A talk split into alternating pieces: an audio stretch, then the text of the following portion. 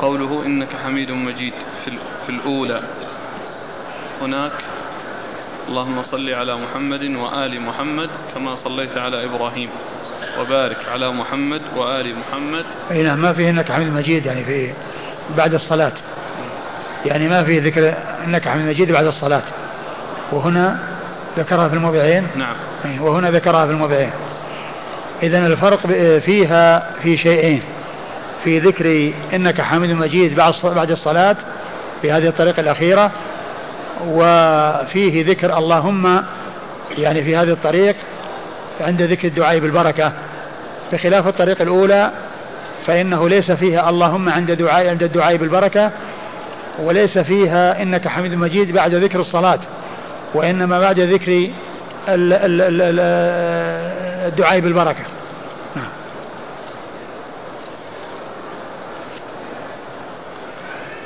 قال أبو داود رواه الزبير بن عدي عن ابن أبي ليلى كما رواه مسعر إلا أنه قال كما صليت على آل إبراهيم إنك حميد مجيد وبارك على محمد وساق مثله ثم ذكر أن رواية مسعر أن الرواية أنه جاءت الرواية من طريق الزبير بن عدي كما جاء عن مسعر إلا أن الفرق إلا أن بينها وبين رواية مسعر فرق إيش قال؟ قال إلا أنه قال كما صليت على آل إبراهيم. كما صليت على آل إبراهيم. ورواية مشعر في آل إبراهيم بعد. كما صليت على إبراهيم. في رواية مشعر؟ إيه؟ نعم في رواية مشعر كما صليت على إبراهيم. وهنا رواية ابن الزبير ابن عدي نعم. كما صليت على آل إبراهيم. وبارك على محمد. وبارك على محمد يعني ليس فيها اللهم. نعم, نعم. وساق مثل قال أبو نعم. داود رواه الزبير بن عدي. الزبير بن عدي ثقة أخرج له أصحاب الكتب الستة. عن ابن أبي ليلى. عن ابن أبي ليلى مر ذكره. قال حدثنا القعنبي عن مالك. قال حاء وحدثنا ابن السرح. قال أخبرنا ابن وهب. قال أخبرني مالك عن عبد الله بن أبي بكر بن محمد بن عمرو بن حزم عن أبيه عن عمرو بن سليم الزرقي أنه قال أخبرني أبو حميد الساعدي رضي الله عنه أنهم قالوا يا رسول الله كيف نصلي عليك؟ قال قولوا اللهم صل على محمد وأزواجه وذريته كما صليت على آل إبراهيم وبارك على محمد وأزواجه وذريته كما باركت على آل إبراهيم إنك حميد مجيد. تعيد عن أبي حميد الساعدي رضي الله عنه أنهم قالوا يا رسول الله كيف نصلي عليك؟ قال قولوا اللهم صل على محمد وأزواجه وذريته كما صليت على آل إبراهيم وبارك على محمد وأزواجه وذريته كما باركت على آل إبراهيم إنك حميد مجيد. ثم ورد أبو داود حديث أبي حميد الساعدي في كيفية الصلاة على النبي صلى الله عليه وسلم عندما سألوا النبي صلى الله عليه وسلم عنها وأنه أجابهم بأن يقولوا قولوا اللهم صل على محمد اللهم صل على محمد وأزواجه وذريته. هناك قال اللهم صل على محمد وعلى آل محمد. وهذا يبين لنا أن الأزواج والذرية داخلون في الآل. وقد جاء في بعض الروايات اللهم صل على محمد وآل محمد وأزواجه وذريته. يعني فذكر جاء ذكر الآل وجاء ذكر الأزواج والذرية وهذا يدلنا على أن الأزواج والذرية داخلون دخولا أوليا في آل محمد سواء قيل أنها خاصة بهم أو أنها لآله وهم منهم أو أنها للمتقين يعني من أمته أو أنها لأمة الإجابة فالأزواج والذرية داخلون فالأزواج والذرية داخلون. والمقصود بذلك من يكون أهلا من يكون أهلا لها حيث يكون من المسلمين. أما من كفر منهم ومن كان يعني آه، من من من الذرية المتناسلين فيما بعد فلا يدخلون يعني في ذلك. وعلى كل فالأزواج والذرية هم داخلون دخولا أوليا وقد جاء ذكرهم في حديث أبي حميد الساعدي بدلا من قول اللهم صل على, على آل محمد. بدلا من كلمة آل محمد جاء بعدها أزواجه وذريته. يعني فصاروا داخلين تحت ذلك. يعني إما أن يكون هم المقصود بالآل أو أنهم بعض الآل. أو أنهم بعض الآل. اللهم صل على محمد وأزواجه وذريته كما صليت على آل إبراهيم. في إنك حميد مجيد؟ لا. وبارك على محمد وعلى آل محمد. وبارك على محمد وأزواجه. نعم وبارك على محمد وأزواجه وذريته كما باركت على آل إبراهيم. إنك حميد مجيد. هذه هي صيغة آه، آه، الصلاة على النبي صلى الله عليه وسلم التي جاءت من طريق أبي حميد الساعدي رضي الله عنه. نعم. قال حدثنا القعنبي. القعنبي عبد الله بن مسلمة بن قعنب. القعنبي. وهو ثقة. أخرج له أصحاب الكتب الستة. إلا من ماجه. عن مالك. عن مالك بن أنس إمام دار الهجرة. الإمام المحدث الفقيه أحد أصحاب المذاهب الأربعة المشهورة من مذاهب أهل السنة وحديثه أخرجه أصحاب الكتب الستة. قال حاء وحدثنا ابن السرح. ثم قال حاء حاء ثم قال حاء أي التحول من إسناد إلى إسناد. وحدثنا ابن السرح وهو عمرو وهو أحمد بن عمرو بن السرح المصري. ثقة. أخرج حديثه مسلم وأبو داود والنسائي؟ نعم. وابن ماجه. أبو مسلم وأبو داود والنسائي وابن ماجه. عن ابن وهب. عن ابن وهب عبد الله بن وهب المصري ثقة فقيه أخرج له أصحاب الكتب الستة. عن مالك عن عبد الله بن أبي بكر بن عن مالك عن عبد الله بن أبي بكر بن محمد بن عمرو بن حزم وهو ثقة أخرجه أصحاب الكتب. نعم. ثقة أخرجه أصحاب الكتب الستة. عن أبيه أبي بكر بن محمد بن عمرو بن حزم وهو ثقة أخرجه أصحاب الكتب الستة. عن عمرو بن سليم الزرقي عن عمرو بن سليم الزرقي ثقة أخرجه أصحاب الكتب الستة. عن أبي حميد الساعدي. عن أبي حميد الساعدي وهو المنذر بن مالك وهو صحابي اشتهر بكنيته أبو حميد وحديثه أخرجه أصحاب الكتب الستة.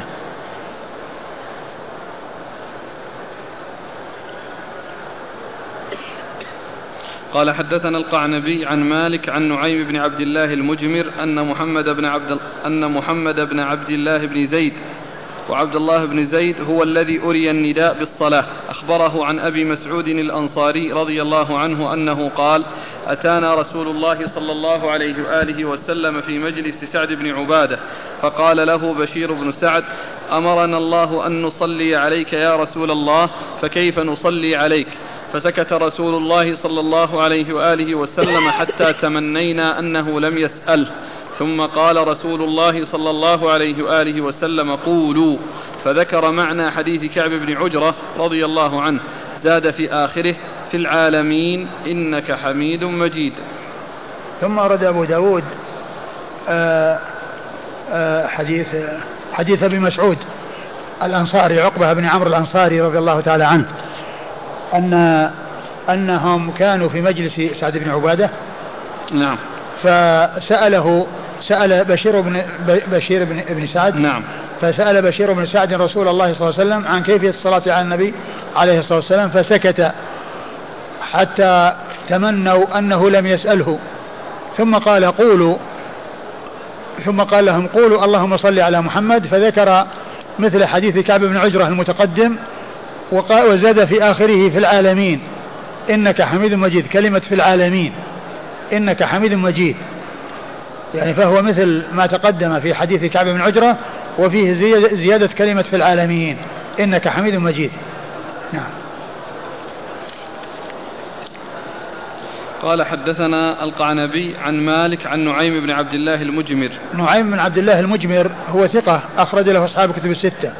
ولقب المجمر لأنه كان يعني يجمر مسجد رسول الله صلى الله عليه وسلم يعني يأتي بالطيب الذي يوضع على الجمر فيطيبه به فقيل له المجمر. نعم. عن محمد بن عبد الله بن زيد. محمد بن عبد الله بن زيد آه وهو ثقة أخرج له أصحاب كتب الماجه أخرج له البخاري في خلق أفعال العباد. ومسلم وأصحاب نعم البخاري أخرجه البخاري في خلق أفعال العباد ومسلم وأصحاب السنن. قال عبد الله بن زيد هو الذي أري النداء بالصلاة. وهذه جملة اعتراضية. المقصود بها بيان آه، جد هذا الرجل أبوه محمد بن عبد الله. نعم. نعم يعني بيان أبو هذا الرجل وأنه هو الذي أري الأذان.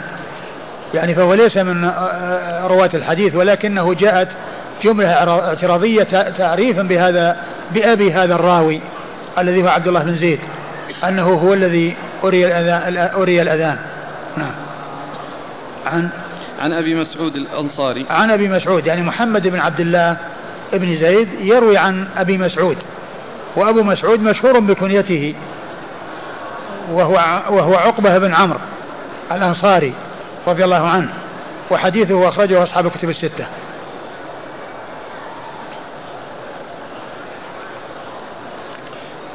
ذكر هذين الاسمين. حميد مجيد نعم. يعني اسمان من أسماء الله عز وجل. يعني جاء بعد ذكر بعد بعد طلب الصلاة على النبي صلى الله عليه وسلم وطلب البركة على النبي صلى الله عليه وسلم وهو يعني مجيد يعني ذو المجد والعظمة وحميد آه، يعني بمعنى حامد وبمعنى محمود فهو يعني ذو الحمد وهو صاحب الحمد وهو المحمود على كل حال سبحانه وتعالى. معنى في العالمين. آه، وبارك على محمد وكما بارك على إبراهيم في العالمين إنك حميد مجيد. ما أدري. قال حدثنا أحمد بن يونس قال حدثنا زهير قال حدثنا محمد بن إسحاق قال حدثنا محمد بن إبراهيم بن الحارث عن محمد بن عبد الله بن زيد عن عقبة بن عمرو رضي الله عنه بهذا الخبر قال قولوا اللهم صل على محمد النبي الأمي وعلى آل محمد. ولعل المقصود بقوله في العالمين يعني بعدما ذكر البركة على على إبراهيم وعلى آل إبراهيم يعني في العالمين يعني أن يعني أن أن, أن إبراهيم يعني جعل له, جعل له لسان صدق في العالمين كما طلب ذلك. وأيضا يعني ذريته يعني فيهم الأنبياء يعني في إبراهيم ف يعني فاولئك يعني صاروا متناسلين يعني في في آه، أزمان متعددة. يعني آه، وصار يعني ذلك الذكر وذلك الثناء والصلاة عليهم يعني آه، اشتهرت في العالمين. يعني لعل المقصود بذلك هو لعل المقصود بهذا هو هذا والله تعالى أعلم. والله إيش؟ الله. المقصود هو الله هو الحميد المجيد في العالمين. لا لا لأن في العالمين جاءت في الآخر إنك حميد مجيد. اللهم صل على محمد وعلى كما صليت وبارك على كما باركت على إبراهيم في العالمين. إنك حميد مجيد. لأن إنك حميد جاءت فيما بعد. نعم. نعيد الحديث. أيوة. قال حدثنا أحمد بن يونس قال حدثنا زهير قال حدثنا محمد بن إسحاق قال حدثنا محمد بن إبراهيم بن الحارث عن محمد بن عبد الله بن زيد عن عقبة بن عمرو رضي الله عنه بهذا الخبر. قال قولوا اللهم صل على محمد النبي الأمي وعلى آل محمد. ثم ذكر طريقا أخرى لحديث أبي مسعود عقبة بن عمرو الأنصاري رضي الله عنه وفيه أنه قال اللهم صل على محمد النبي الأمي يعني في أوله اللهم صل على محمد النبي الأمي و وإيش؟ النبي الأمي وعلى آل محمد. وعلى آل محمد.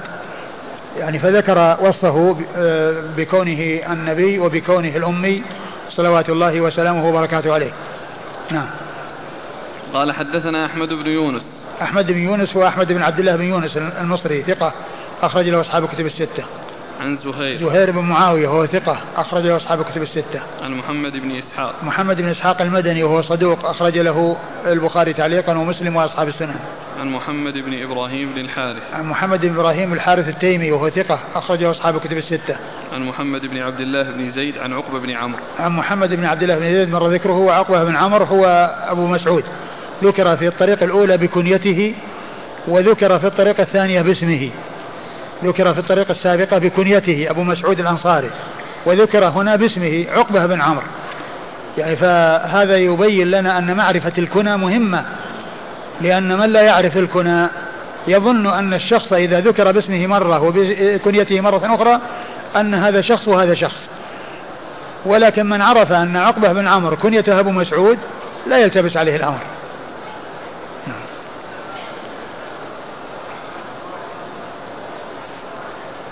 قال حدثنا موسى بن إسماعيل قال حدثنا حبان بن يسار الكلابي قال حدثني أبو مطرف عبد عبيد الله بن طلحة بن عبيد الله بن كريز قال حدثني محمد بن علي الهاشمي عن المجمر عن أبي هريرة رضي الله عنه عن النبي صلى الله عليه وآله وسلم أنه قال من سره أن يكتال بالمكيال الأوفى إذا صلى علينا أهل البيت فليقل اللهم صل على محمد النبي وأزواجه أمهات المؤمنين وذريته وأهل بيته. كما صليت على آل إبراهيم إنك حميد مجيد. ثم ورد أبو داود حديث أبي هريرة رضي الله عنه. أن النبي عليه الصلاة والسلام قال من سره أن يكتال بالمكيال الأوفى إذا صلى علينا أهل البيت فليقل. وقوله من سره أن يكتال في المكيال الأوفى يعني معناه يحصل الأجر العظيم. يعني المكيال الأوفى من الأجر يعني بأن إذا صلى علينا فليصلي هذه الصلوات. اللهم صل. اللهم صل على محمد النبي وأزواجه أمهات المؤمنين وذريته وأهل بيته. اللهم صل على محمد النبي الأمي لا. النبي وأزواجه أمهات المؤمنين وذريته وأهل بيته وذريته وأهل بيته. فذكر الأزواج والذرية وذكر أهل البيت. يعني فيكون يعني معناه أنه من, من, من, من عطف الخاص على العام من عطف العام على الخاص. نعم. كما صليت على آل إبراهيم إنك حميد مجيد. كما صليت على آل إبراهيم إنك حميد مجيد. انتهى؟ نعم. ما في ذكر البركة؟ لا. آه، وهذه الصيغة التي جاءت عن أبي هريرة يعني في رجالها من هو متكلم فيه وهما ال آه، حبان بن يسار الكلاب. حبان بن يسار و عبيد الله بن طلحة. وعبيد الله بن طلحة هذان الاثنان متكلم فيهما. فيعني الألباني رحمه الله ضعف الحديث بسببهما. وقال أن يعني آه، من صحح حديثهما فقد وهم يعني لما فيه من الضعف الشديد. و آه، وهنا أذكر بهذه المناسبة حديث سبق أن مر بنا قبل يومين أو ثلاثة وهو حديث أم قيس بنت محصن الأسدية التي فيها أن النبي عليه الصلاة والسلام لما سن وحمل اللحم آه، اتخذ عمودا في مصلاه يعتمد عليه. وقلت أن الألباني رحمه الله ضعف الحديث والواقع أنني قد وهمت.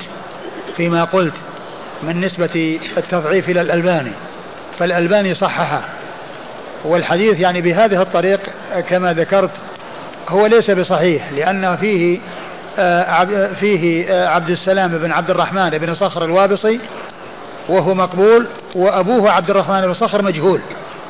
فالحديث يعني بهما لا تقوم بحجة لكن الشيخ الألباني رحمه الله قد ذكر أو أورد حديث الحديث نفسه عند الحاكم في المستدرك وهو من غير هذه الطريق التي فيها هذان الضعيفان أو هذان المتكلم فيهما. والحاكم في مستدركه صحح الحديث وقال إنه صحيح على شرط الشيخين وأقره الذهبي على ذلك وتعقبه الألباني بأن آه بأنه على شرط مسلم لأن هلال بن يساف لم يخرج له البخاري إلا تعليقا.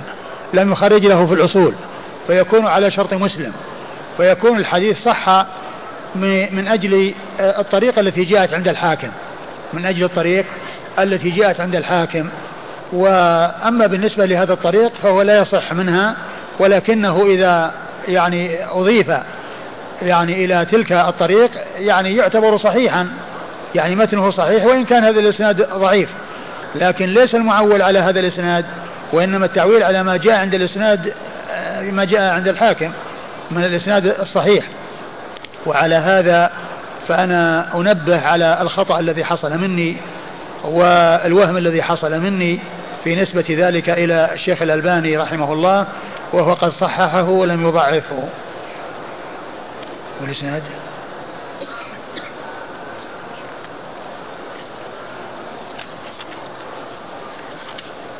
قال حدثنا موسى بن إسماعيل. آه موسى آه والحديث يعني لمن أراد أن يطلع عليه هو موجود في إرواء الغليل برقم 383 برقم 383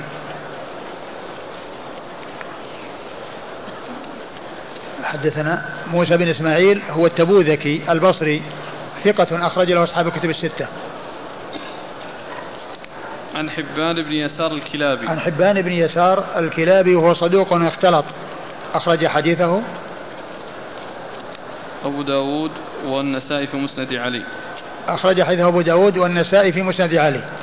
عن أبي مطرف عبيد الله بن طلحة بن عبيد الله بن كريم. آه عن أبي مطرف عبيد الله بن طلحة وهو مقبول. أخرج حديثه. أبو داود وابن ماجه. أبو داود والنسائي وابن ماجه. لا. أبو داود وابن ماجه. أبو داود وابن ماجه. عن محمد بن علي الهاشمي. عن محمد بن علي الهاشمي ومحمد بن علي بن الحسين آه الملقب الباقر أبو جعفر. وهو ثقة أخرجه أصحاب الكتب الستة.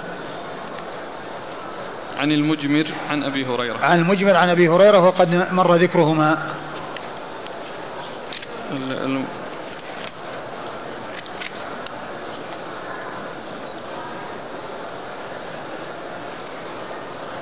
أبو هريرة ترى ما مر. أبو هريرة نعم.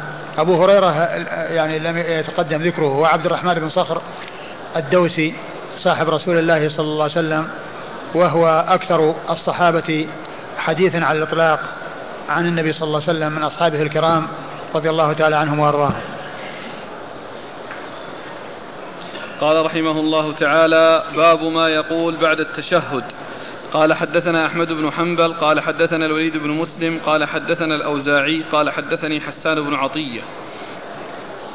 قال حدثني محمد بن أبي عائشة أنه سمع أبا هريرة رضي الله عنه يقول قال رسول الله صلى الله عليه وآله وسلم إذا فرغ أحدكم من التشهد الآخر فليتعوذ بالله من أربع.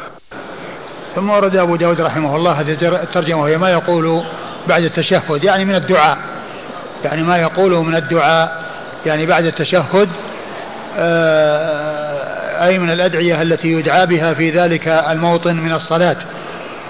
وذلك بعد ذكر الصلاة على النبي صلى الله عليه وسلم لأن الصلاة على النبي صلى الله عليه وسلم هي تابعة للتشهد لأنهم قالوا قد عرفنا كيف نسلم عليك فكيف نصلي عليك؟ كيف نس... عرفنا كيف نسلم عليك؟ بتعليمهم في التشهد. السلام عليك أيها النبي ورحمة الله وبركاته. فكيف نصلي عليك؟ حيث قال لهم قولوا اللهم صل على محمد وعلى آل محمد كما صليت على إبراهيم وعلى آل إبراهيم إنك حميد مجيد.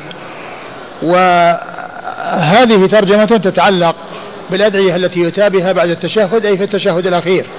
لأن التشهد الأخير هو الذي يكون فيه يعني إطالة الدعاء. والإكثار من الدعاء بخلاف التشهد الأول. فأورد أبو داود رحمه الله حديث أبي هريرة أن النبي صلى الله عليه وسلم قال إذا إذا إذا فرغ أحدكم من التشهد الآخر فليتعوذ بالله من أربع. إذا فرغ أحدكم من التشهد الآخر يعني في آخر الصلاة يعني آه فيتعوذ بالله من أربع. يتعوذ بالله آه يقول اللهم إني أعوذ بك من عذاب جهنم ومن عذاب القبر ومن فتنة المحيا والممات وفتنة المسيح الدجال. فيتعوذ بالله من عذاب جهنم الذي هو جهنم اسم من أسماء النار. والتعوذ بالله من عذابها أي من عذاب النار.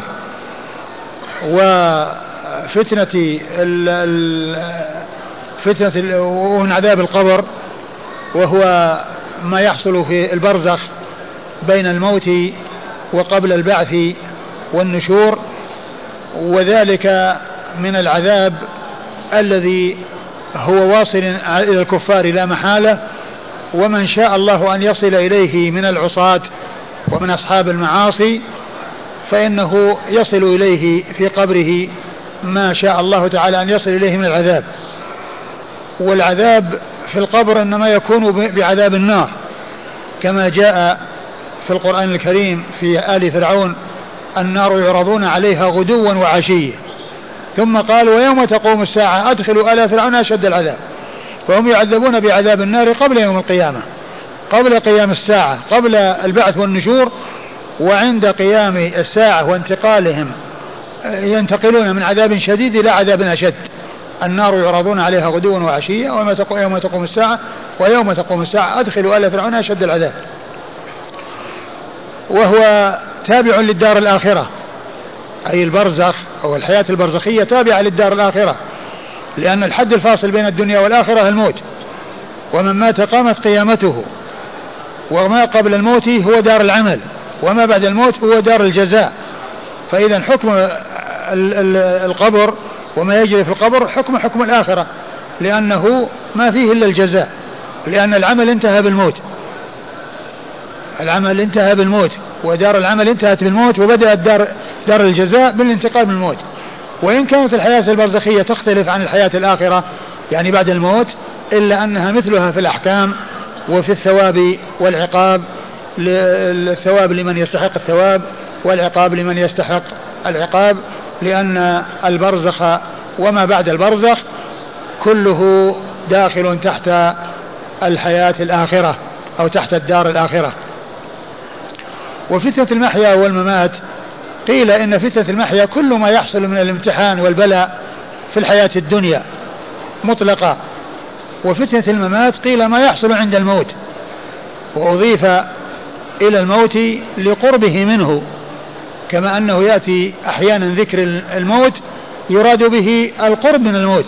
كما قال عليه الصلاة والسلام لقنوا موتاكم لا إله إلا الله فإنه من كان آخر كلامه من الدنيا لا إله إلا الله دخل الجنة. فأطلق على من كان على وشك الموت أنه ميت حيث قال لقنوا موتاكم لا إله إلا الله. فإنه من كان آخر كلام من الدنيا لا إله دخل الجنة. يعني من يلقن وهو حي. يعني في مرض الموت وعلى يعني في النزع فإنه يذكر الشهادة وحتى تكون آخر كلامه من الدنيا.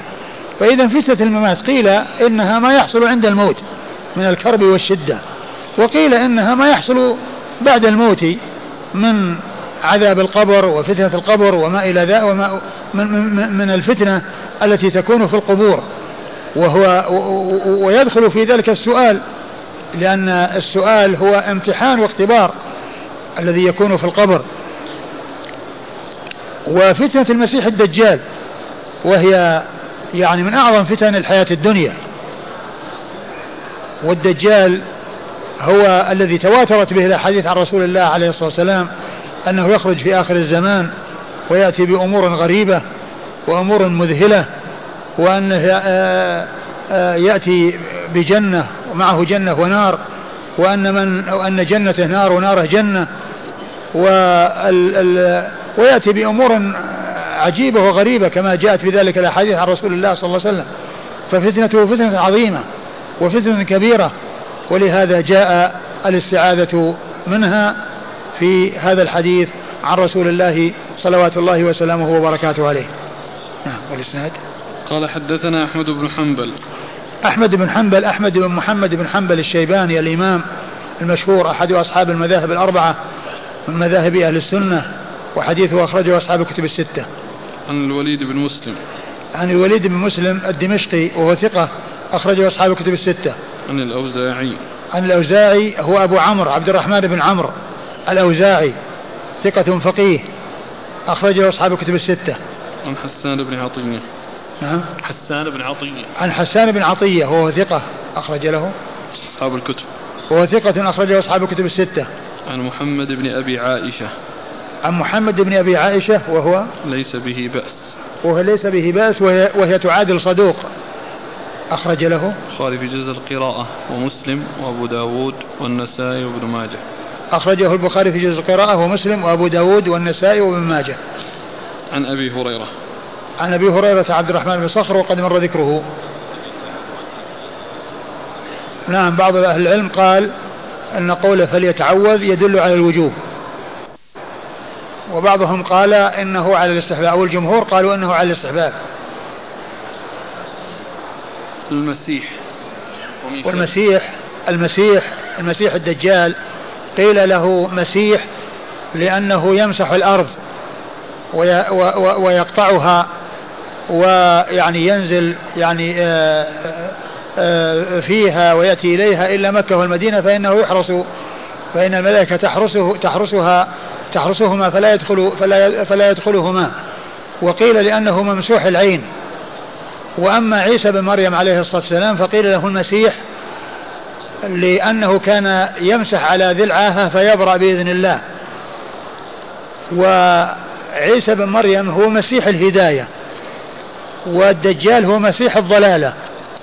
وقد شاء الله عز وجل أن ينزل عيسى بن مريم في آخر الزمان من السماء فيقتل مسيح الهداية مسيح الضلالة.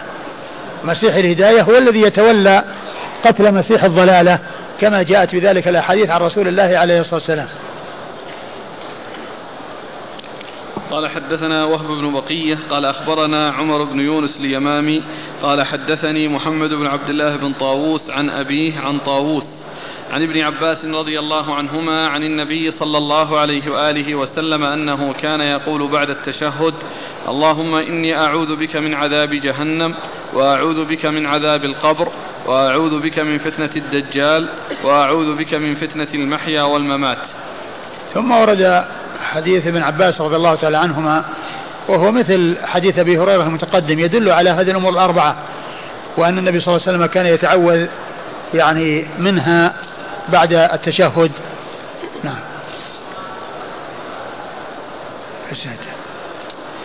قال حدثنا وهب بن بقية. وهب بن بقية ثقة أخرج حديثه أبو داود و مسلم وأبو داود. مسلم وأبو داود. والنسائي. مسلم وأبو داود والنسائي. نعم. مسلم وأبو داود والنسائي. عن عمر بن يونس اليمامي. عن عمر بن يونس اليمامي وهو ثقة أخرجه أصحاب كتب الستة. عن محمد بن عبد الله بن طاووس. عن محمد بن عبد الله بن طاووس وهو مقبول أخرج له أبو داود. أخرجه أبو داود وحده. عن أبيه. عن أبيه طاووس عبد الله. عبد الله بن طاووس وهو ثقة أخرجه أصحاب الكتب الستة. عن جده طاووس وهو ثقة أخرجه أصحاب الكتب الستة. عن عبد الله بن عباس بن عبد المطلب ابن عم النبي صلى الله عليه وسلم وأحد العبادلة الأربعة من الصحابة وأحد السبعة المعروفين بكثرة الحديث عن النبي صلى الله عليه وسلم. قال حدثنا عبد الله بن عمرو أبو معمر قال حدثنا عبد الوارث قال حدثنا الحسين المعلم عن عبد, عن عبد الله بن بريدة عن حنظلة بن علي أن محجن بن الأدرع حدثه أنه قال رضي الله عنه حدثه قال دخل رسول الله صلى الله عليه وآله وسلم المسجد فإذا هو برجل قد قضى صلاته وهو يتشهد وهو يقول اللهم إني أسألك يا الله الأحد الصمد الذي لم يلد ولم يولد ولم يكن له كفوا أحد أن تغفر لي ذنوبي إنك أنت الغفور الرحيم. قال فقال قد غفر له قد غفر له ثلاثا. ثم ورد أبو داود رحمه الله حديث محجن بن الأدرع رضي الله عنه أن النبي صلى الله عليه وسلم دخل المسجد ورجل يصلي وفي آخر صلاته يقول اللهم إني أسألك بأنك بأنك أنت الله لا إله إلا أنت الأحد الصمد الذي لم يلد ولم يولد ولم يكن له كفوا أحد أن تغفر لي ذنوبي إنك أنت الغفور الرحيم. فقال النبي صلى الله عليه وسلم قد غفر له قد غفر له. وهذا يدلنا على يعني آه، استحباب هذا الدعاء ومشروعيته في ذلك المكان لإقرار النبي صلى الله عليه وسلم لذلك الداعي على هذا الدعاء. وإخباره صلى الله عليه وسلم بأنه قد غفر له بعد أن سمعه يدعو بهذا الدعاء العظيم. نعم. وهذا فيه وهذا فيه التوسل كون الإنسان يتوسل إلى الله عز وجل بين يدي دعائه بالثناء على الله عز وجل. فإن هذا الدعاء المقصود منه أن تغفر لذنوبي. هذا هو هو المطلوب. ولكنه قدم له بالثناء على الله وختم أو عقب بالثناء على الله. لأن أوله اللهم أني أسألك بأنك أنت الله أنت الله يا الله الأحد الصمد الذي لم يلد ولم يولد ولم يكن له كفوا أحد. هذا ثناء على الله عز وجل. وفي آخره قال إنك أنت الغفور الرحيم. إنك أنت الغفور الرحيم. فكان هذا هذا الدعاء تخلله الثناء قبله وبعده. وهذا من أسباب قبول الدعاء كون الإنسان يثني على الله. ولهذا كما سيأتي الرجل الذي يعني آه، سمعه النبي صلى الله عليه وسلم آه، يدعو فقال عجل هذا وأرشده إلى أن يحمد الله ويصلي على رسوله صلى الله عليه وسلم بين يدي دعائه. ولهذا جاء في صلاة الجنازة يعني بين يدي الدعاء قراءة الفاتحة التي هي حمد وثناء وبعدها الصلاة على النبي صلى الله عليه وسلم ثم بعد ذلك يأتي الدعاء للميت. فتكون فيكون الدعاء في هذه الصلاة في صلاة الجنازة مسبوقا بالحمد والثناء والصلاة على النبي المصطفى صلى الله عليه وسلم. نعم. قال حدثنا عبد الله بن عمرو أبو معمر. آه ويقول أبو داود رحمه الله حدثنا أبو حدثنا عبد الله بن عمرو أبو معمر وهو ثقة أخرجه أصحاب الكتب الستة. عن عبد الوارث. عن عبد الوارث بن سعيد العنبري وهو ثقة أخرج له أصحاب الكتب الستة. نعم. عن الحسين المعلم. عن حسين بن ذكوان المعلم وهو ثقة أخرج له أصحاب الكتب الستة. عن عبد الله بن بريدة. عن عبد الله بن بريدة بن الحصيب وهو ثقة أخرج له أصحاب الكتب الستة. عن حنظلة بن علي. عن حنظلة بن علي وهو ثقة. أخرج له البخاري في الأدب المفرد ومسلم وأبو داود والنسائي بن ماجه. وهو ثقة أخرج له البخاري في الأدب المفرد ومسلم وأبو داود والنسائي وابن ماجه. عن محجن بن الأدرع. عن محجن بن الأدرع الصحابي صاحب رسول الله صلى الله عليه وسلم وحديثه أخرجه. البخاري في الأدب المفرد وأبو داود والنسائي. أخرج حديثه البخاري في الأدب المفرد وأبو داود والنسائي. قال رحمه الله تعالى باب إخفاء التشهد. قال حدثنا عبد الله بن سعيد الكندي قال حدثنا يونس يعني بن بكير عن محمد بن إسحاق عن عبد الرحمن بن الأسود عن أبيه عن عبد الله رضي الله عنه أنه قال من السنة أن يخفى التشهد. ثم ورد أبو داود حديث من؟ عبد الله بن مسعود. آه، أولا قال إخفاء التشهد والمقصود بإخفائه يعني إصراره والإصرار به وعدم الجهر به. وورد حديث عبد الله بن مسعود رضي الله تعالى عنه.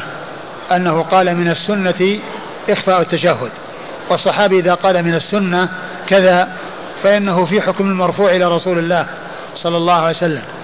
لأن قول الصحابي من السنة كذا هو مرفوع إلى رسول الله صلى الله عليه وسلم حكما.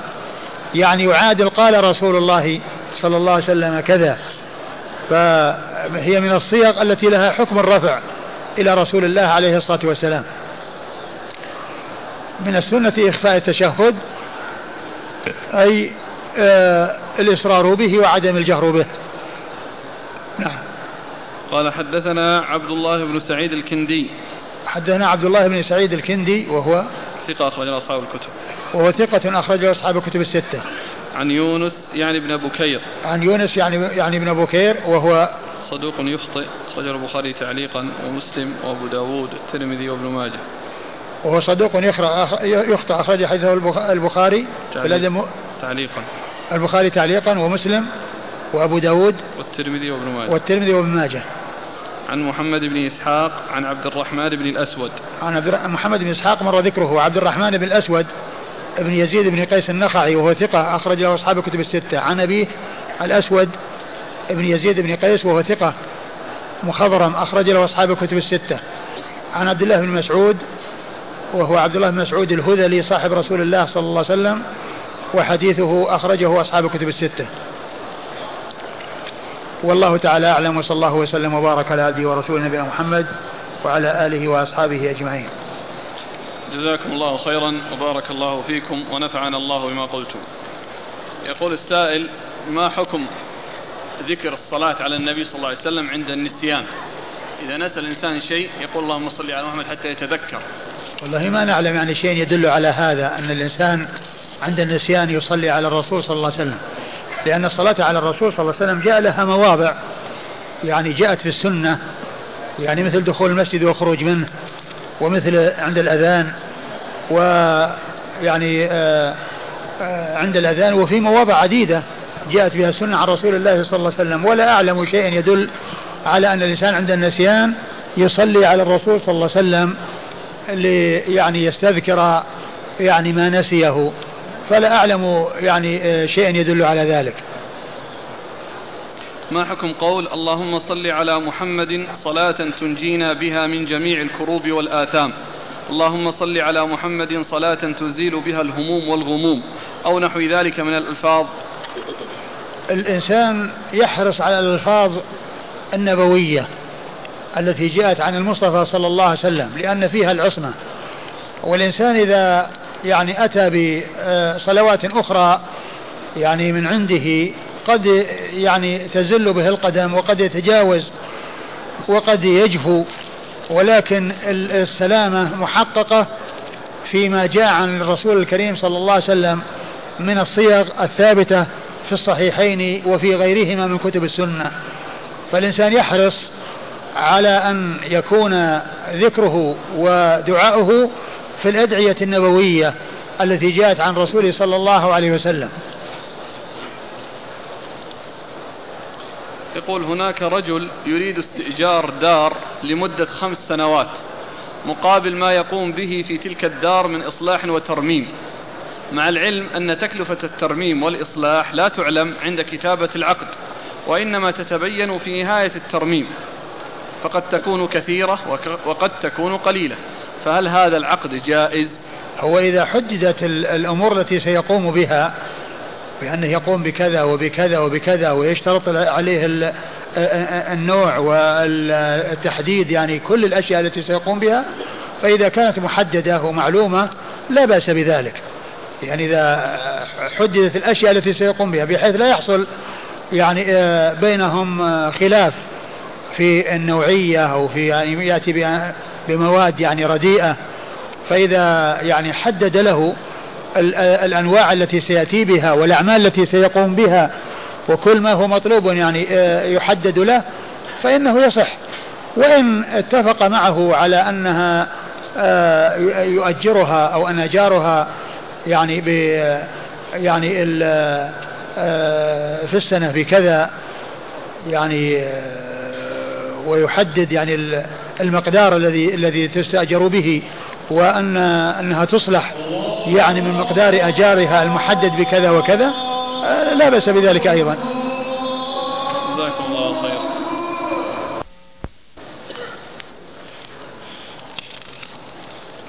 بسم الله الرحمن الرحيم. يقول طبع في الآونة الأخيرة كتاب بعنوان الصلاة المحمدية الكبرى. بدأه المؤلف بقوله اللهم صل على غياث المستغيثين. فما رأيكم في هذه الصلاة وما حكم تسميتها بالكبرى؟ آه أنا ذكرت في أثناء الكلام على الصلاة على النبي صلى الله عليه وسلم قول بعض أهل العلم أن أفضل كيفية للصلاة على النبي صلى الله عليه وسلم هي الصلاة الإبراهيمية. لأن الصحابة وهم خير الناس سألوا أفضل الناس وخير الناس صلى الله عليه وسلم عن كيفية الصلاة عليه صلى الله عليه وسلم فأجابهم. فلو كان هناك صلاة أكبر من هذه الصلاة وأفضل من هذه الصلاة وخير من هذه الصلاة لبينها الصادق المصدوق صلى الله عليه وسلم. وعلى هذا فإن كونه يعني يحدث صلوات وتوصف بأنها كبرى وتكون مشتملة على غلو وتوصف بأنها كبرى هذا كلام غير صحيح ولا يقبل وإنما الكلام الصحيح والجواب الصحيح هو أن أكمل صلاة وأكبر صلاة وخير صلاة هي التي علم النبي صلى الله عليه وسلم أصحابه إياها عندما سألوه فلو كان هناك خير منها وأفضل منها لما أخفاه عليهم رسول الله صلى الله عليه وسلم ولبينه المصطفى صلى الله عليه وسلم فدل هذا على أن من أراد أن يصلي على الرسول صلى الله عليه وسلم أكمل صلاة وأفضل صلاة فهي الصلاة الإبراهيمية. كما ذكرت عن بعض العلم أنه قال لو حلف أحد أن يصلي على النبي صلى الله عليه وسلم أفضل صلاة فإنه يبر بقسمه إذا صلى الصلاة الإبراهيمية. كذلك خيات المستغيثين يعني كونه يعني يستغاث به أو أن الناس يستغيثون به آه هذا من الشرك بالله عز وجل. هذه ورقة تنشر وتوزع فيها قصة الفتاة. إيش هي؟ هذه منشور. بسم الله الرحمن الرحيم. لا إله إلا الله محمد رسول الله. فتاة تبلغ من العمر ستة عشر عاما مريضة جدا. الأطباء عجزوا عن علاجها. وفي ليلة القدر بكت الفتاة بشدة ونامت. وفي منامها جاءتها السيدة زينب رضي الله عنها وأرضاها. وأعطتها شربة ماء ولما استيقظت من نومها شفيت تماما بإذن الله. ووجدت قطعة ووجدت قطعة من القماش مكتوب عليها أن تنشر هذه الرسالة وتوزعها على 12 فردا. وصلت هذه الرسالة إلى عميد بحري فوزعها فحصل على ترقية خلال 12 يوم. ووصلت إلى تاجر فأهملها فخسر كل ثروته خلال 12 يوم. ووصلت إلى عامل فوزعها فحصل على ترقية وحلت جميع مشاكله خلال 12 يوم. أرجو منك يا أخي المسلم أن تقوم بنشرها وتوزيعها على 12 فردا الرجاء عدم الإهمال. هذا أقول هذا الكلام حكايته تغني عن يعني عن بيان سقوطه وأنه لا قيمة له. مجرد حكايته وسماعة يعني كما يقولون يعني يضحك. وكما يقال في المثل يضحك النملة في قراها والنخلة في حلياها في خلاياها. يعني كلام ساقط ما له قيمة.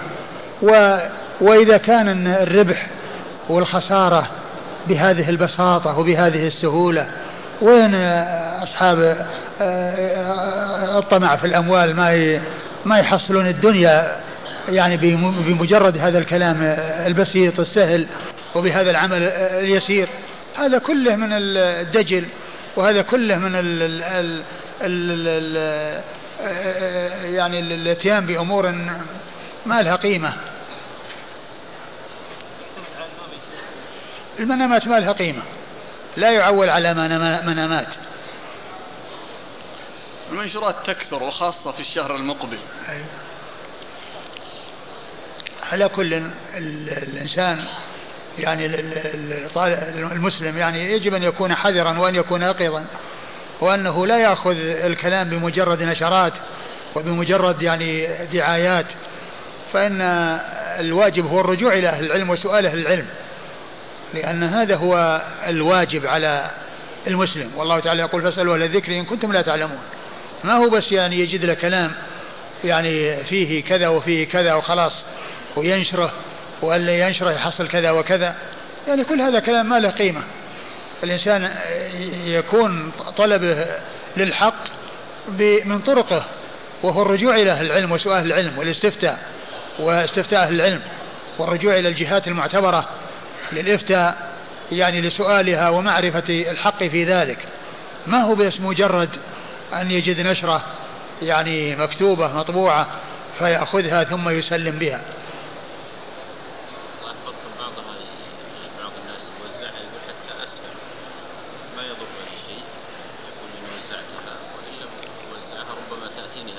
لا ابدا. هذا أقول العقوبات العقوبات من الله عز وجل لها أسباب وهي الذنوب والمعاصي. والرسول صلى الله عليه وسلم بين بين المأمورات وبين المنهيات. والمأمورات هي التي توصل إلى الجنة والمنهيات هي التي توصل إلى النار. والعقوبات أسبابها الذنوب وهذه ليست ذنب حتى يعني يسبب عليه عقوبة وإنما هذا كله بهرج ودجل وكلام ما له قيمة. وتوعد بشيء ما له أساس. ما حكم قصد زيارة المساجد السبعة ومسجد القبلتين وغيرها لمن جاء إلى المدينة؟ من جاء إلى المدينة يشرع له خمسة أمور لا سادس لها. الاتيان إلى هذا المسجد المبارك والصلاة فيه وهي بألف صلاة. والصلاة في مسجد قباء وقد جاءت السنة في بيان فضل الصلاة فيه من فعله وقوله صلى الله عليه وسلم. وزيارة قبر الرسول صلى الله عليه وسلم وصاحبيه أبي بكر وعمر رضي الله تعالى عنهما وزيارة البقيع وزيارة شهداء أحد. هذه الأماكن التي تزار في المدينة وما عداها فإنه لا يشرع زيارته. ما حكم من حلف بالأمانة؟ لا يحلف إلا بالله. قال عليه الصلاة والسلام لا تحلفوا بآبائكم ولا بأمهاتكم ولا بالأنداد ولا تحلفوا إلا بالله ولا تحلفوا إلا وأنتم صادقون. وقال عليه الصلاة والسلام ما كان حالفا فليحلف بالله أو ليصمت. ما كان حالفا فليحلف بالله أو ليصمت. فالحلف بالله عز وجل وبأسمائه وصفاته ولا يكون بشيء من مخلوقاته وإنما الحلف بالله عز وجل وبأسمائه وصفاته. من كان حالفا فليحلف بالله أو ليصمت. والأمانة وغير الأمانة كل ذلك لا يحلف به. والله تعالى أعلم وصلى الله وسلم وبارك على عبده ورسوله نبينا محمد وعلى آله وأصحابه أجمعين.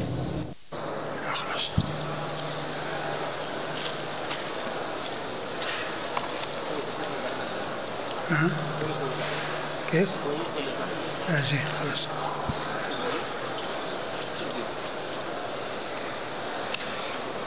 بسم الله الرحمن الرحيم. الحمد لله رب العالمين. الصلاة والسلام على عبد الله ورسوله نبينا محمد وعلى آله وصحبه أجمعين أما بعد. قال الإمام أبو داود السجستاني رحمه الله تعالى باب الإشارة في التشهد.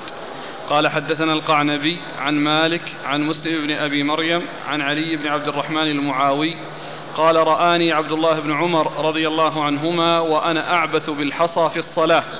فلما انصرف نهاني وقال اصنع كما كان رسول الله صلى الله عليه وآله وسلم يصنع. فقلت وكيف كان رسول الله صلى الله عليه وآله وسلم يصنع؟ قال كان إذا جلس في الصلاة وضع كفه اليمنى على فخذه اليمنى وقبض أصابعه كلها وأشار بإصبعه التي تلي الإبهام ووضع كفه اليسرى على فخذه اليسرى. بسم الله الرحمن الرحيم. الحمد لله رب العالمين. وصلى الله وسلم وبارك على عبده ورسوله نبينا محمد وعلى آله وأصحابه أجمعين. أما بعد يقول الإمام أبو داود السجستاني رحمه الله تعالى باب الإشارة في التشهد.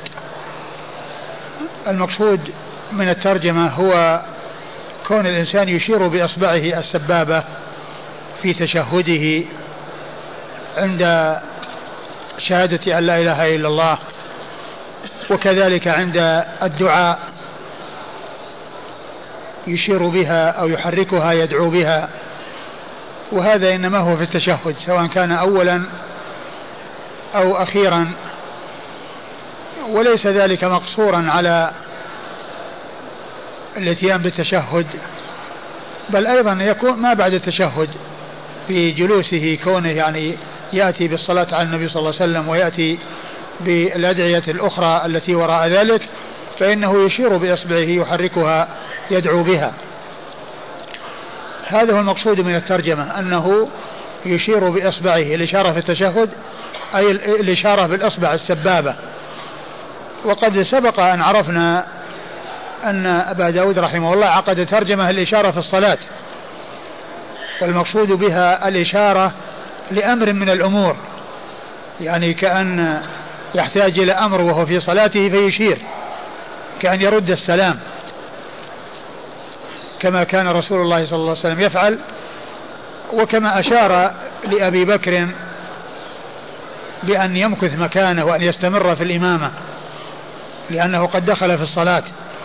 فتلك إشارة غير هذه الإشارة لأن هذه في التشهد يعني في الجلوس للتشهد.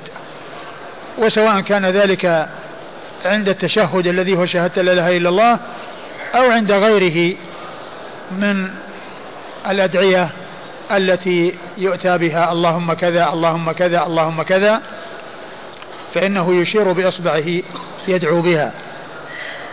هذا هو المقصود من الترجمة وهو الفرق بين هذه الترجمة والترجمة السابقة لأن تلك إشارة لبدل الكلام للحاجة إلى ذلك. وأما هذه إشارة بالإصبع السبابة عند ذكر التوحيد وذكر شهادة أن لا إله إلا الله وعند الدعاء. أورد أبو داود رحمه الله عدة أحاديث. أولها حديث عبد الله بن عمر. حديث عبد الله بن عمر رضي الله تعالى عنهما وهو أن آه من هو المعاوي؟ علي, علي بن عبد الرحمن. علي بن عبد الرحمن المعاوي كان صلى يعني إلى جنبه فكان يعبث بالحصى يعني في صلاته في حال الجلوس يعني يلمس الحصى. فلما انصرف نهاه يعني عن هذا العمل وقال له ألا تصنع كما صنع رسول الله عليه الصلاة والسلام؟ قال وماذا كان يصنع؟ فقال إنه يضع يده اليمنى على فخذه على فخذه اليمنى مقبوضة الأصابع ويشير بها ويشير يشير بها يعني يشير بها عند التشهد وعند الدعاء. والأصابع مقبوضة وهذا فيه آه، ما كان عليه أصحاب الرسول صلى الله عليه وسلم من الدلالة على الخير. والأمر معروف والنهي عن المنكر وأنهم إذا وجدوا أحدا يحصل منه مخالفة للسنة ينبهونه على خطئه وينهونه عنه ويرشدونه إلى اتباع السنة وهو أن يعمل الهيئة التي بينها عبد الله بن عمر لعلي بن عبد الرحمن المعاوي الذي آه، أنكر عليه ما أنكر وأرشده إلى الحق والهدى الذي كان عليه الرسول صلى الله عليه وسلم. ففيه آه، أن آه، النهي عن شيء والدلالة على شيء. نهي عن شيء غير سائغ والدلالة على شيء سائغ ومشروع. لأنه نهاه أمره. نهاه أمره وأرشده. وأتى بالعوض عن الشيء الذي نهاه عنه. وهو كونه يلمس الحصى ويعبث بالحصى يحركه بيده لأن ما كان يجعل يديه على على فخذيه. فأرشده إلى سنة الرسول صلى الله عليه وسلم في هذا وأن الرسول عليه الصلاة والسلام كان يصنع ذلك. وفي هذا إشارة إلى أو هذا دلالة على الإشارة بالسبابة في التشهد وفي عند الدعاء. وكذلك فيه إشارة إلى أن الأصابع تقبض. يعني الخنصر والبنصر والوسطى تقبض. يعني عند وضع اليد اليمنى على اليسرى على الفخذ اليمنى يقبض أصابعه ويشير بالسبابة. فالأصابع تكون مقبوضة. وهذه هيئة من الهيئات الثابتة عن رسول الله صلى الله عليه وسلم في هيئة الأصابع في التشهد أي أصابع يد اليمنى. وهذه إحدى الهيئات والهيئة الثانية التي سبق أن مرت بناء التحليق يعني كونه يقبض الخنصر والبنصر ويحلق الإبهام مع الوسطى. فهذه هيئة ثابتة وتلك هيئة ثابتة وإذا فعل هذا أو فعل هذا فكله حق. لأن كل, لأن كل واحد من الأمرين ثابت عن رسول الله صلى الله عليه وسلم وإن حلق في بعض الأحيان وقبض الأصابع كلها في بعض الأحيان فإن ذلك كله حق وكله ثابت عن رسول الله صلى الله عليه وسلم. أما اليسرى فإن اليد اليسرى فإنها توضع على الفخذ اليسرى وتكون مبسوطة. ليس لا يقبض منها شيء وليس فيها إشارة وإنما الإشارة في السبابة السبابة في اليمين واليسرى تكون مبسوطة على الفخذ واليمنى تقبض أصابعها الثلاث ويشار بالسبابة أو يحلق بين الإبهام والوسطى مع قبض الخنصر والبنصر. هذه هي الهيئة التي يكون عليها المصلي في صلاته في تشهده سواء كان التشهد الأول أو الأخير. وعلى هذا فإن هذه هي السنة الثابتة عن رسول الله صلى الله عليه وسلم فيما يتعلق بوضع اليدين على الفخذين اليمنى على هذا الوصف واليسرى على هذا الوصف والإنسان لا يضع يديه في مكان آخر لا يضعهما على الأرض ولا يضعهما ولا يلبس يلمس بهما حصى ولا, ولا الأرض وإنما يجعلهما في هذا المكان وفي هذا الموضع. نعم. الإسناد؟ قال حدثنا القعنبي. حدثنا القعنبي هو عبد الله بن مسلمة بن قعنب القعنبي يؤتى يذكر بنسبته كثيرا كما هنا ويذكر باسمه واسم أبيه عبد الله بن مسلمة وهو ثقة أخرج له أصحاب الكتب الستة إلا ابن ماجه. عن مالك. عن مالك بن أنس إمام دار الهجرة الإمام المشهور أحد أصحاب المذاهب الأربعة من مذاهب أهل السنة. وحديثه أخرجه أصحاب الكتب الستة. عن مسلم بن أبي مريم. عن مسلم بن أبي مريم وهو ثقة أخرج له أصحاب الكتب إلا الترمذي. وهو ثقة أخرجه أصحاب الكتب الستة إلا الترمذي. عن علي عن علي بن عبد الرحمن المعاوي وهو أخرج ثقة أخرجه مسلم وأبو داود والنسائي. وهو ثقة أخرجه مسلم وأبو داود والنسائي. عن عبد الله بن عمر. عن عبد الله بن عمر بن الخطاب رضي الله تعالى عنهما الصحابي ابن الصحابي الجليل رضي الله تعالى عنه وأرضاه وهو أحد العبادلة الأربعة من أصحاب رسول الله عليه الصلاة والسلام. وهم عبد الله بن عمر وعبد الله بن عباس وعبد الله بن الزبير وعبد الله بن عمرو بن العاص رضي الله عنهم وعن الصحابة أجمعين. وهو أيضا أحد السبعة المعروفين بكثرة الحديث عن النبي صلى الله عليه وسلم وهم أبو هريرة وابن عمر وأنس بن مالك وجابر بن عبد الله الأنصاري وأبو سعيد الخدري وأنس بن مالك وأم المؤمنين عائشة رضي الله تعالى عنهم وعن الصحابة أجمعين. نعم. نعم هؤلاء سبعة. أبو هريرة وابن عمر وابن عباس وأبو سعيد وأنس وجابر وأم المؤمنين عائشة. ستة رجال وامرأة واحدة هؤلاء هم الذين عرفوا بكثرة الحديث عن النبي صلى الله عليه وسلم وزادت أحاديثهم في الكتب الستة عن ألف حديث وفيهم الذي تجاوز الألفين وفيهم الذي تجاوز الخمسة آلاف وهو أبو هريرة رضي الله تعالى عنه. ولهذا يقول السيوطي في الألفية والمكثرون في رواية الأثر أبو هريرة يليه بن عمر وأنس والبحر البحر هو ابن عباس والبحر كالخدري وجابر وزوجة النبي زوجة النبي عائشة رضي الله تعالى عنها وعن الصحابة أجمعين.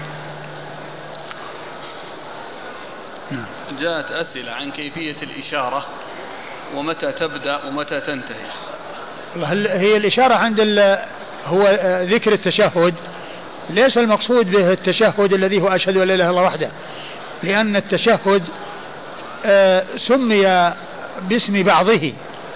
سمي باسم بعضه لأنه كما يقال باب التشهد ليس المقصود منه آه، أشهد أن لا إله إلا الله وإنما المقصود منه جميع الصلاة من أولها إلى آخرها. فيعني آه، الإشارة تكون عند ذكر الله عز وجل عند الدعاء سواء كان تشهدا أو غيره.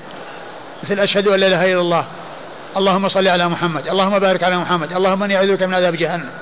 اللهم إني أسألك كذا اللهم إني أسألك كذا يعني يحركها يدعو بها. من البداية؟ نعم. يعني عند كل دعاء يأتي بها.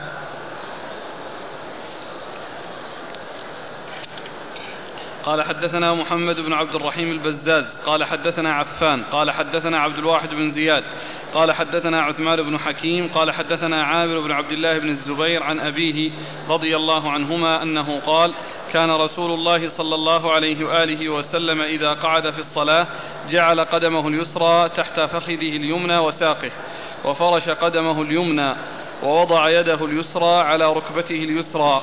ووضع يده اليمنى على فخذه اليمنى وأشار بإصبعه وأرانا عبد الواحد وأشار بالسبابة. ثم ورد أبو داود حديث عبد الله بن الزبير رضي الله تعالى عنهما وهو مثل ما تقدم في حديث ابن عمر في بيان هيئة وضع اليد اليسرى واليد اليمنى في حال التشهد وأنه يشير بإصبعه السبابة. وأنه يشير بإصبعه السبابة.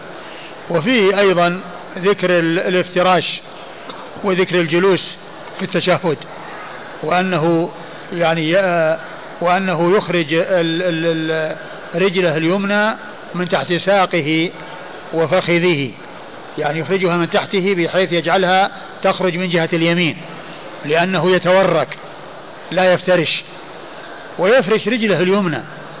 وهذا جاء في بعض الأحاديث كما هنا ولكن جاء أكثر الروايات أنه ينصبها ولا يفرشها. اللهم إلا إذا كان المقصود به يفرش أصابعها لأن أصابعها تكون مفروشة يعني آه، على الأرض متجهة إلى القبلة متجهة إلى القبلة. ومعنى هذا أن هنا إذا قال يفرش رجله اليمنى فيحتمل أن يكون المقصود به أنه يعني يضجعها كما يفرش الرجل اليسرى لكنه لا يجلس عليها كما هو معلوم ويحتمل أن يكون المقصود به فرش الأصابع. يعني كما جاء في آه، بعض الروايات أنه يجعل أصابعها إلى القبلة وعلى هذا تكون الأصابع أصابعها مفروشة. يعني ليس يعني آه، يجعل أطراف الأصابع على الأرض وإنما يجعل بطون الأصابع على الأرض وأطرافها متجهة إلى القبلة وهذا حيث أمكن ثنيها وليها. وأما إذا كان لا يستطيع ثنيها أو لا يتيسر ثنيها فالإنسان يتقي الله ما استطاع. والله تعالى يقول فاتقوا الله ما استطعتم.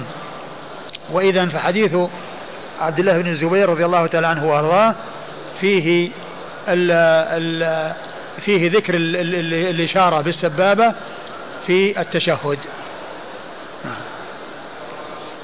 قال حدثنا محمد بن عبد الرحيم البزاز. محمد بن عبد الرحيم البزاز.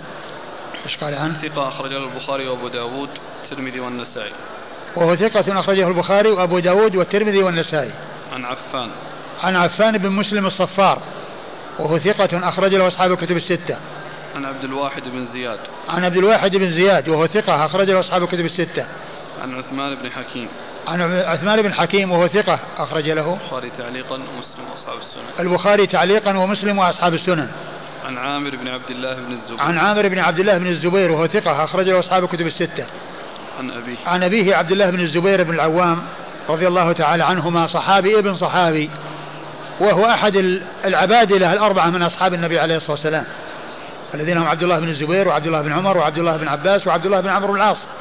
وقد ذك وقد مر في الحديث السابق ذكر عبد الله بن عمر وهو أحد الأربعة العبادلة الذين هم من صغار الصحابة كلهم من صغار الصحابة. وعبد الله بن الزبير هذا ولد في قبى بعد مقدم النبي صلى الله عليه وسلم إلى المدينة وقبل وقبل أن يصل إلى المدينة إلى مكانه الذي استقر فيه. في الفترة التي كانوا أقاموا في قبى عندما قدموا من مكة وولد عبد الله بن الزبير. والناس في قبى في الأيام التي قبل وصول النبي صلى الله عليه وسلم إلى المدينة وكان ماكثا في قبى فهم من صغار الصحابة الأربعة. وعاشوا وأدركهم الكثير من التابعين. أدركهم الكثير من التابعين وهم في أسنان متقاربة. فهم فهم من صغار الصحابة رضي الله عنهم وأرضاهم. وحديث عبد الله بن الزبير أخرجه أصحاب الكتب الستة. الحديث ووضع يده اليسرى على ركبته اليسرى. نعم على ركبته اليسرى. يعني كل هذه آه، صحيحة لأنه يعني كونه يضع آه، اليد آه، على الركبة يعني الأصابع على الركبة والكف على الفخذ. والكف على الفخذ. قال حدثنا إبراهيم بن الحسن المصيصي قال حدثنا حجاج عن ابن جريج عن زياد عن محمد بن عجلان عن عامر بن عبد الله عن عبد الله بن الزبير رضي الله عنهما أنه ذكر أن النبي صلى الله عليه وآله وسلم كان يشير بإصبعه إذا دعا ولا يحركها. ثم ورد حديث آه، عبد الله بن الزبير رضي الله تعالى عنه من طريق أخرى وفيه أنه كان يدعو بإصبعه ولا يحركها. يدعو بإصبعه. كان يشير. كان يشير يشير بإصبعه ولا يحركها. فيشير بإصبعه مطابق للرواية السابقة التي مرت في الروايات المتقدمة. وأما قوله ولا يحركها فهذه مخالفة لما جاء في بعض الروايات وفي عدد من الروايات أنه كان يحركها. وليس المقصود بكون المشير أنها ثابتة لا تتحرك بل هو يحركها يحركها في التشهد ويحركها عند الدعاء. وهذا هو معنى الإشارة لأن كونه يشير بها يعني يحركها. يعني ليس مع ذلك أنها منصوبة واقفة هكذا لا تتحرك يعني آه، في التشهد من أوله إلى آخره وإنما كان يحركها. وإذا فهذه الرواية يعني مخالفة للروايات الأخرى الدالة على أنه كان يشير بإصبعه يحركها صلى الله عليه وسلم. نعم. تكون, تكون حكم ولا يحركها شاذة؟ نعم. نعم الشيخ الألباني حكم بشذوذها وقال إنها شاذة مخالفة للرواية الأخرى. قال حدثنا إبراهيم بن الحسن المصيصي. إبراهيم بن الحسن المصيصي ثقة أخرج له مسلم وأصحاب السنن أبو داود والنسائي. أخرج له؟ أبو داود والنسائي. ثقة أخرج له أبو داود والنسائي. عن حجاج. عن حجاج بن محمد حجاج بن محمد المصيصي الأعور وهو ثقة أخرجه أصحاب الكتب الستة. عن ابن جريج. عن ابن جريج عبد الملك بن جريج عبد الملك بن عبد العزيز بن جريج المكي وهو ثقة أخرج له أصحاب الكتب الستة. عن زياد. عن زياد بن سعد وهو ثقة أخرج له؟ أصحاب الكتب. وهو ثقة أخرجه أصحاب الكتب الستة. عن محمد بن عجلان. عن محمد بن عجلان المدني. وهو صدوق أخرج حديثه البخاري تعليقا ومسلم وأصحاب السنن الأربعة. عن عامر بن عبد الله عن عبد الله بن الزبير. عن عامر بن عبد الله عن عبد الله بن الزبير وقد مر ذكرهما. قال ابن جريج وزاد عمرو بن دينار قال أخبرني عامر عن أبيه أنه رأى النبي صلى الله عليه وآله وسلم يدعو كذلك ويتحامل النبي صلى الله عليه وآله وسلم بيده اليسرى على فخذه اليسرى. ثم أورد هذه الطريق عن عمرو بن دينار وقال زاد بن جريج. قال ابن جريج أيوة. وزاد عمرو بن دينار قال أخبرني عامر عن أبيه. وزاد آه عمرو بن دينار قال أخبرني عامر عن أبيه أنه كان أنه رأى النبي صلى الله عليه وسلم يدعو كذلك ويتحامل بيده اليسرى على فخذه اليسرى. أنه رأى النبي صلى الله عليه وسلم يدعو كذلك يعني بإصبعه يعني يدعو بإصبعه ويتحامل بيده اليسرى على على فخذه. على فخذه. يعني معناه أنه يعتمد عليها أو يميل إليها. ليس معنى ذلك أنه وضع يعني آآ آآ ذراعه على فخذه بل رفع ذراعه عن فخذه وكأنه اعتمد على على على على على, على فخذه. يعني اعتمد عليها لم يكن ذراعه مبسوطا على على فخذه وإنما كان الاعتماد على اليد اعتماد اليد على الفخذ. نعم. تورك؟ وطبعا هو تورك يعني غير التورك يتعلق بوضع الرجل وأما هذا فإنه يتعلق يتعلق بوضع اليد. التورك يتعلق بالرجل بالفخذ بالورك وانه يجعل الأرض لا يجعله على على على على, على رجله مفترشا لها. هذا هو التورك هيئة الجلوس في التشهد وأما هذا يتعلق باليد. أنه يضع اليد ولكنه يعتمد عليها. يعني يتحامل معناه أنه معتمد عليها.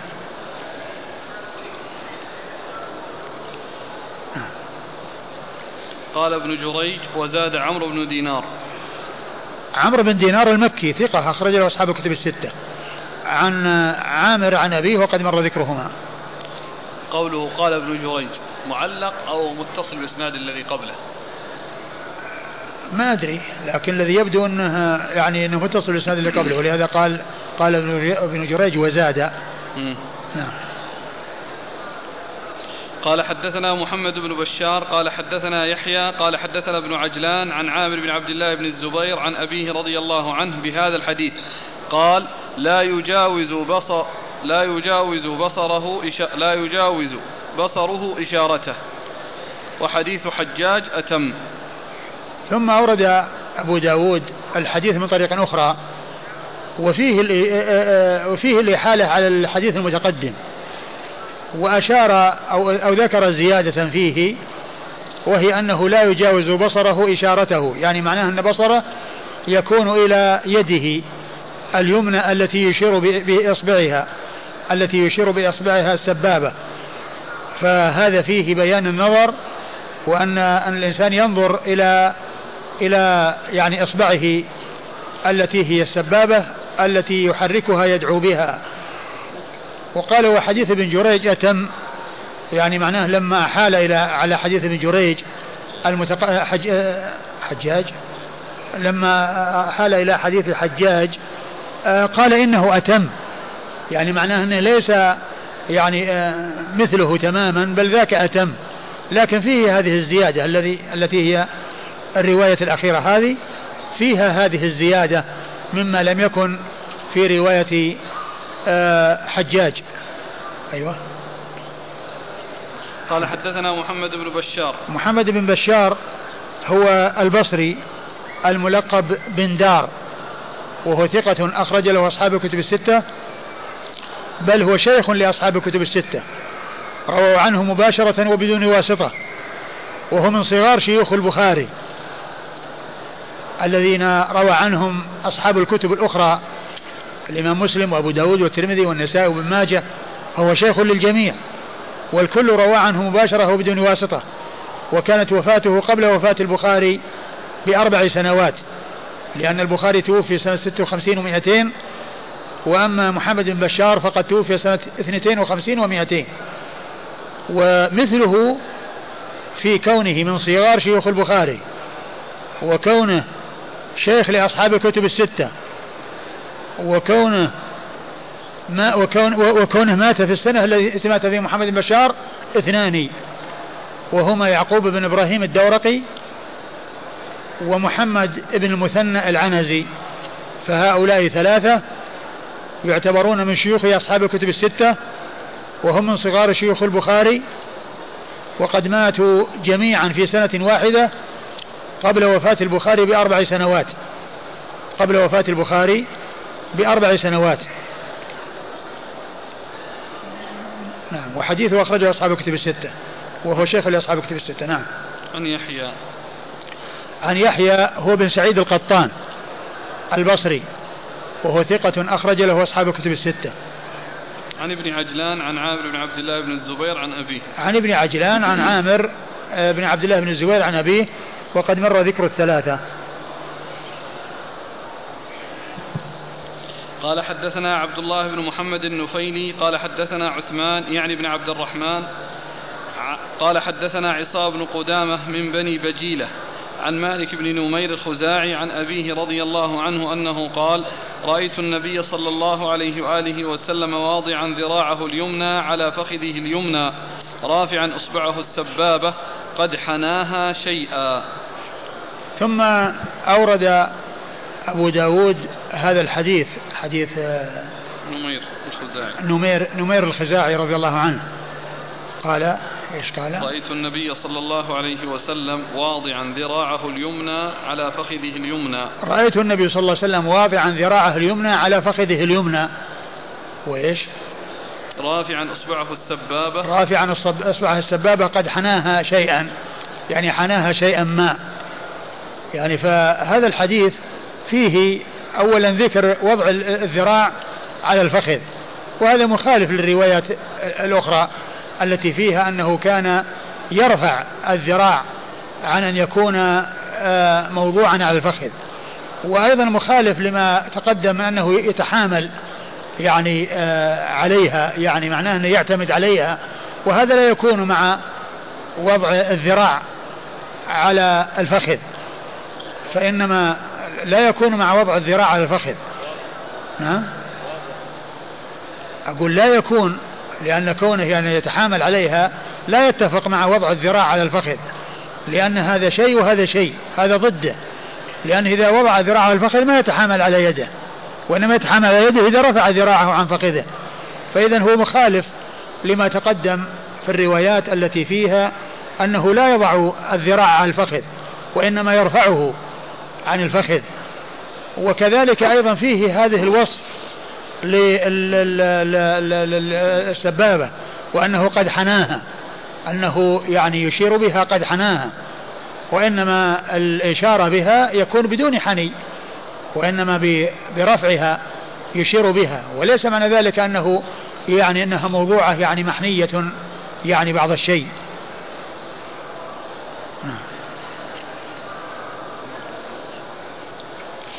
قال حدثنا عبد الله بن محمد النفيلي. عبد الله بن محمد النفيلي ثقة أخرج حديثه البخاري وأصحاب السنن الأربعة.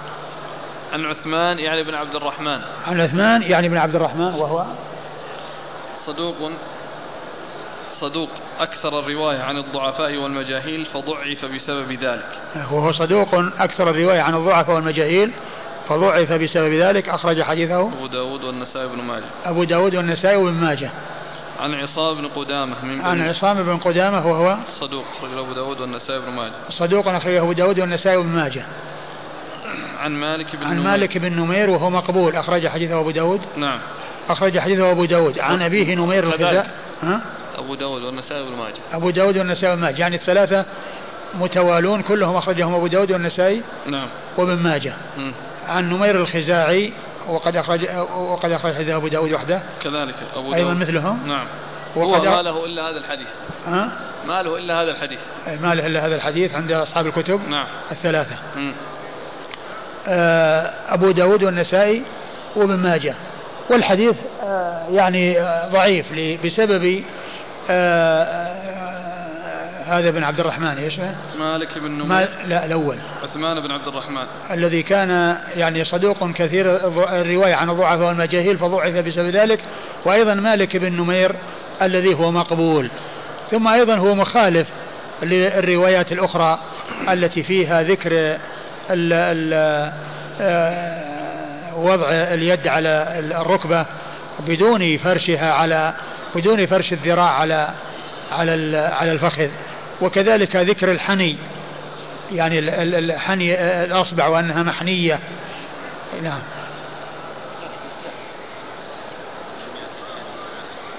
ها؟ والله ما أعلم يعني ما أعلم يعني كونه يعني حناها قليلا. يعني طبعا هو يشير بها ولكن بدون حني. يعني بدون يعني ما يشير بها محنية قليلا.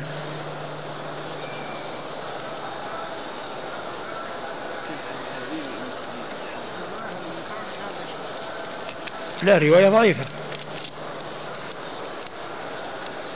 الحديث ضعيف بسبب هذا الذي لم يتابع الذي هو مقبول وأيضا ذلك الذي هو كثير الرواية عن الضعف والمجاهيل وأنه ضعف بسبب ذلك. ثم أيضا المتن كما هو معلوم مخالف لروايات الروايات الأخرى. نعم. بعض الإخوة يقول أن هنا واضعا هو لو كان هو لو كان لو كان إنه مطابق للروايات الأخرى إن كان يصح لل- للروايات الأخرى يعني بسبب الروايات الأخرى. لكن كونه خالفها وكان جاء على خلافها وفيه هؤلاء الذين ضعفوا يعني الذي جاء به لا يكون ثابتا بهذه الطريق. الذي جاء في هذا الحديث لا يكون ثابتا بهذا الحديث.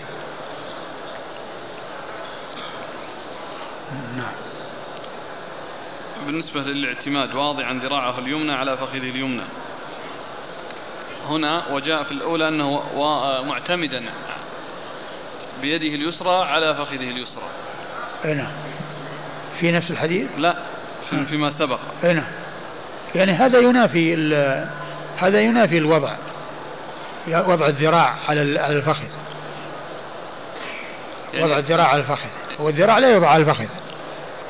وإنما يعني ترفع ال- الذراع يعني المرفق وأصل الذراع يرفع عن عن الفخذ لا يكون معتمدا عليه. لأن الروايتين يعني واحدة في واحدة الكلام فيها عن اليد اليسرى وهذه الكلام عن اليد اليمنى. اللي يبغى إيش؟ آه هذه الأخيرة عن الذراع اليمنى لعله في كلامكم أنه ذكرتم أنه مخالفة لما سبق فإن فيه الاعتماد. اي نعم. وهنا فيه وضع. فهنا وضع اليمنى وهناك الاعتماد على اليسرى. هو كلهن يعني يعني هو أصلا يعني لا يعني يلصق الذراع لا اليمنى ولا اليسرى لا يع- يع- يعتمد بذراعه على فخذيه وإنما يرفع. وأعمال الصلاة يعني كما هو معلوم فيها يعني مجافات يعني حتى كل عضو يأخذ نصيبه ما يكون فيه يعني شيء من ال- الذي يدل على الفتور أو على الكسل أو على الخمول.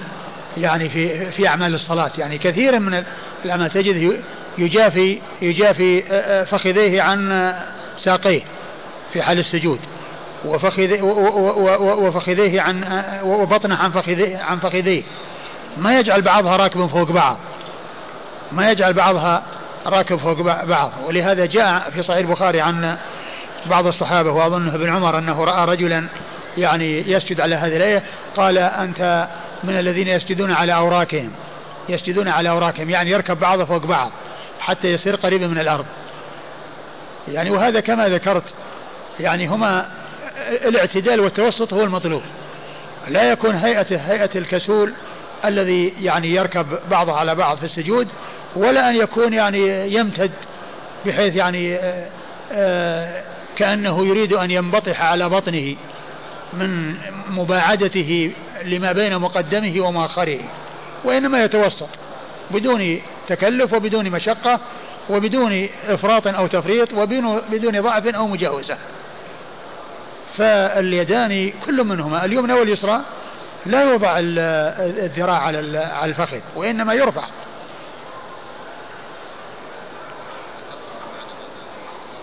وحد نعم وحد نعم نفس الشيء نعم. وحد مرفقه يعني أنه رفعه. قال باب قال رحمه الله تعالى باب كراهية الاعتماد على اليد في الصلاة. قال حدثنا أحمد بن حنبل وأحمد بن محمد بن شبوية ومحمد بن رافع ومحمد بن عبد الملك الغزال. قالوا حدثنا عبد الرزاق عن معمر عن إسماعيل بن أمية عن نافع عن ابن عمر رضي الله عنهما أنه قال نهى رسول الله صلى الله عليه وآله وسلم قال أحمد بن حنبل أن يجلس الرجل أن يجلس الرجل في الصلاة وهو معتمد على يده. وقال ابن شبوية نهى أن أن يعتمد الرجل على يده في الصلاة. وقال ابن رافع نهى أن يصلي الرجل وهو معتمد على يده. وذكره في باب الرفع من السجود. وقال ابن عبد الملك نهى أن يعتمد الرجل على يديه إذا نهض في الصلاة. انتهى؟ نعم. ثم أورد أبو داود رحمه الله هذه الترجمة وهي كراهية الاعتماد على اليد في الصلاة. كراهية الاعتماد في على اليد في الصلاة. كراهية الاعتماد على اليد في الصلاة. الاعتماد على اليد في الصلاة له حالتان. حالة وهو جالس وحالة وهو يريد أن يقوم إلى الركعة الثانية. أو يقوم إلى الثالثة أو الرابعة يعني يقوم من جلوس إلى الركعة التي إلى ركعة أخرى. فالاعتماد على اليد يكون في هاتين الحالتين.